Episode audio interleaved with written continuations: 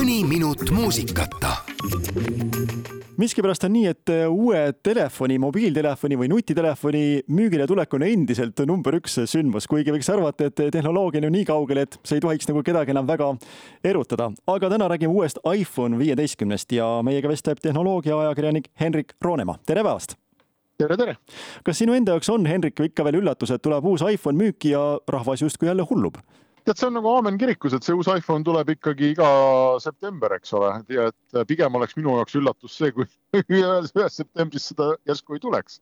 aga kui võtta nüüd ette siis see uus nutitelefon nimega iPhone viisteist, mida enneolematut siis see endaga kaasa tõi või, või oligi lihtsalt selline põgus väikene värskendus ja ei midagi sellist, mis võiks maailma muuta?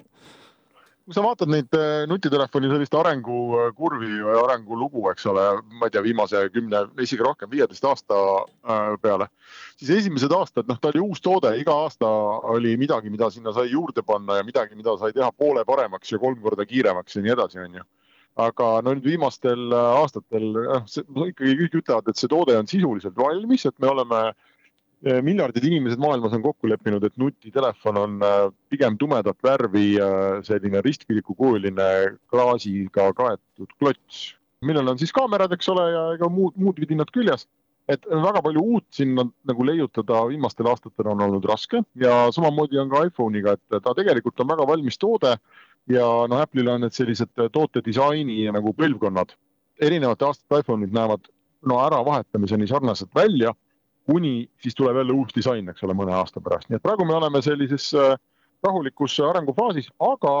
no millest muidugi kõik räägivad ja kõik, no kellel on Androidi telefonid, hakkavad ju naerma selle peale. aga no tohutu suur sündmus ikkagi Apple'i maailmas on see, et äh, iPhone on saanud uue laadimispistiku, eks, no eelkõige vist Euroopa Liidu nõudmise pärast, nüüd on siis USB-C. see tähendab, et kõik vanad iPhone'i laadimiskaablid uute iPhone idega sisuliselt võib ära visata, et see Apple'i enda Lightning on kadunud muidugi on paremaks läinud kaamerad, muidugi on natuke kiiremaks läinud protsessorid, muidugi on siin seda, teist ja kolmandat. Ja need Pro mudelid, mis on kallimad, need on siis saanud endale titaanist. Ümbris või see raam, mis telefonil on, see kest, et see on nüüd siis titaanist, mitte enam roostevabast terasest. Ja see tähendab, et ta on kõvasti kergem. paljud on seda jõudnud juba kasutada ja läbi nii-öelda katsuda igatpidi, kas on midagi sellist kummalist või kurioosset ka välja tulnud, et arendus küll, aga kuidagi veidras suunas ja telefon teeb mingeid imelikke asju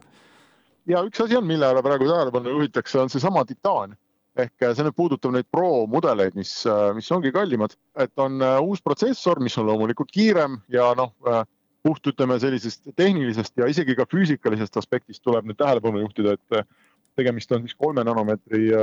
protsessiga, nagu öeldakse, et kui, kui väiksed need transistorid seal sees saavad olla. noh, siin me oleme nüüd ikkagi väga lähedal juba teoreetilisele füüsilisele piirile, et kus me enam väiksemaks ei saa seda kiibistikku teha ja see, see on hull tehnoloogia, mis seal sees on. aga telefoni kasutaja jaoks see tähendab, et äh, kui protsessor on kiirem, siis tuleb sealt ka rohkem kuumust ja nüüd mingil põhjusel mingid inimesed ikkagi ütlevad, et need Pro telefonid teatud, äh, kui ta laeb, sa samal ajal näiteks mängid või teed midagi sellist, mis protsessorit palju koormab, et siis pidid väga kuumaks minema. ja, ja keegi ei teagi, et kas see nüüd on selle uue protsessori pärast või on see ka sellepärast, et et titaan, äh, ma ei tea, juhib soojust halvemini kui, äh, kui see varasem äh, roostevaba teras. et mingi mure nüüd on, et ühesõnaga need Pro telefonid kipuvad väidetavalt minema liiga kuumaks no ilmselt sellised kõikvõimalikud vidinad abimehed, mis peaksid meid aitama, mõnikord ei aita, ei ole seotud küll ainult iPhone'iga, a la midagi taolist, et oled karussellil ja telefon arvab, et oled avariisse sattunud ja saadab hädateate, et neid on vist iga uue nutifoniga või? Vaata uute tehnoloogiatega ikkagi tihti on niimoodi, et äh, kui meil oleks praegu aasta kaks tuhat üksteist on ju, me räägiks sinuga seda juttu, siis meil oleks väga raske planeerida, et me vaata, et aastaks kaks tuhat kakskümmend kolm, et me oleme jõudnud sinna ja vot need asjad töötavad nagu super ja telefonil on küljes see ja see ja see. et need uued asjad tulevad alati, äh, noh, esimene põlvkond tuleb natuke sellise katselisena, et seesama avarii näide, mis sa tõid, seesama titaan, mis seal ümber on või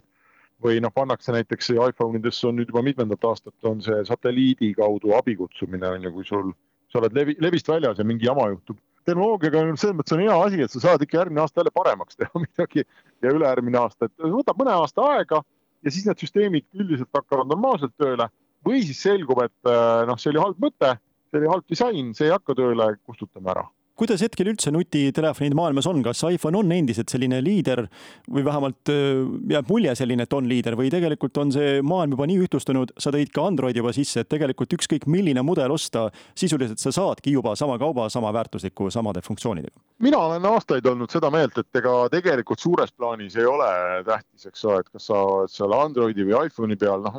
ma ei tea, toome auto näite, et ma just olen siin praegu tänaval, vaatan ümberringi, onju, et mina istun hetkel äh, Toyotas, minu vastas pargib üks Volvo onju, seal on mingi Kiia on kõrval ja üks Nissan on onju. ja isegi Tesla paistab, et noh, suures plaanis see on ju tegelikult kõik sama kraam ja lihtsalt mõned on natuke odavamad, mõned on natuke kallimad, kallimad on mugavamad, paremad, ilusamad mõnikord onju, aga põhimõtteliselt noh, kui me hakkame nüüd siit, ma ei tea, Paidesse või, või Tartusse sõitma või Pärnusse siis me saame nende kõigiga kohale ja saame ikkagi väga hästi. et, et need telefonidega on samamoodi, et ostad midagi ära, mis sobib sinu hinnaklassile, mis sobib, äh, ma ei tea, sinu äh, tehnoloogiliste veendumustega ja disain meeldib ja sa saad seda kasutada ja üldiselt sul on kõik hästi. nii et ma arvan, et liiga palju muretseda selle pärast pole vaja on ju ka seesama keskkonnateema muutumas järjest tähtsamaks. kuidas sa hindad, kui pikk võiks olla ühe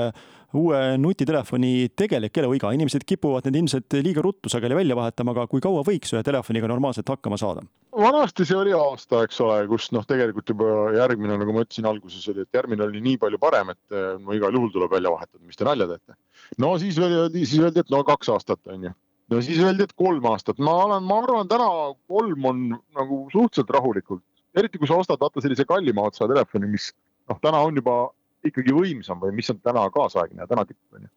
siis sellega ikkagi hea mitu aastat, mina arvan, et ei ole probleemi, pigem seal juhtub lihtsalt see, et ta ma ei tea, kaob ära, kukub maha, on ju, noh, või tekib mingisugune selline olukord, kus tema remontimine näiteks on noh, vaata et sama kallis kui uue ostmine või noh, see,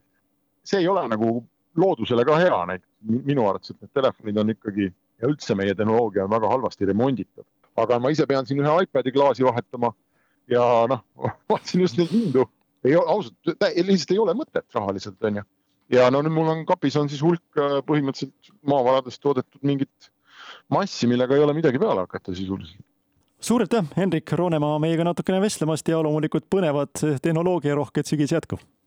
suur tänu teile, et helistasite. raadio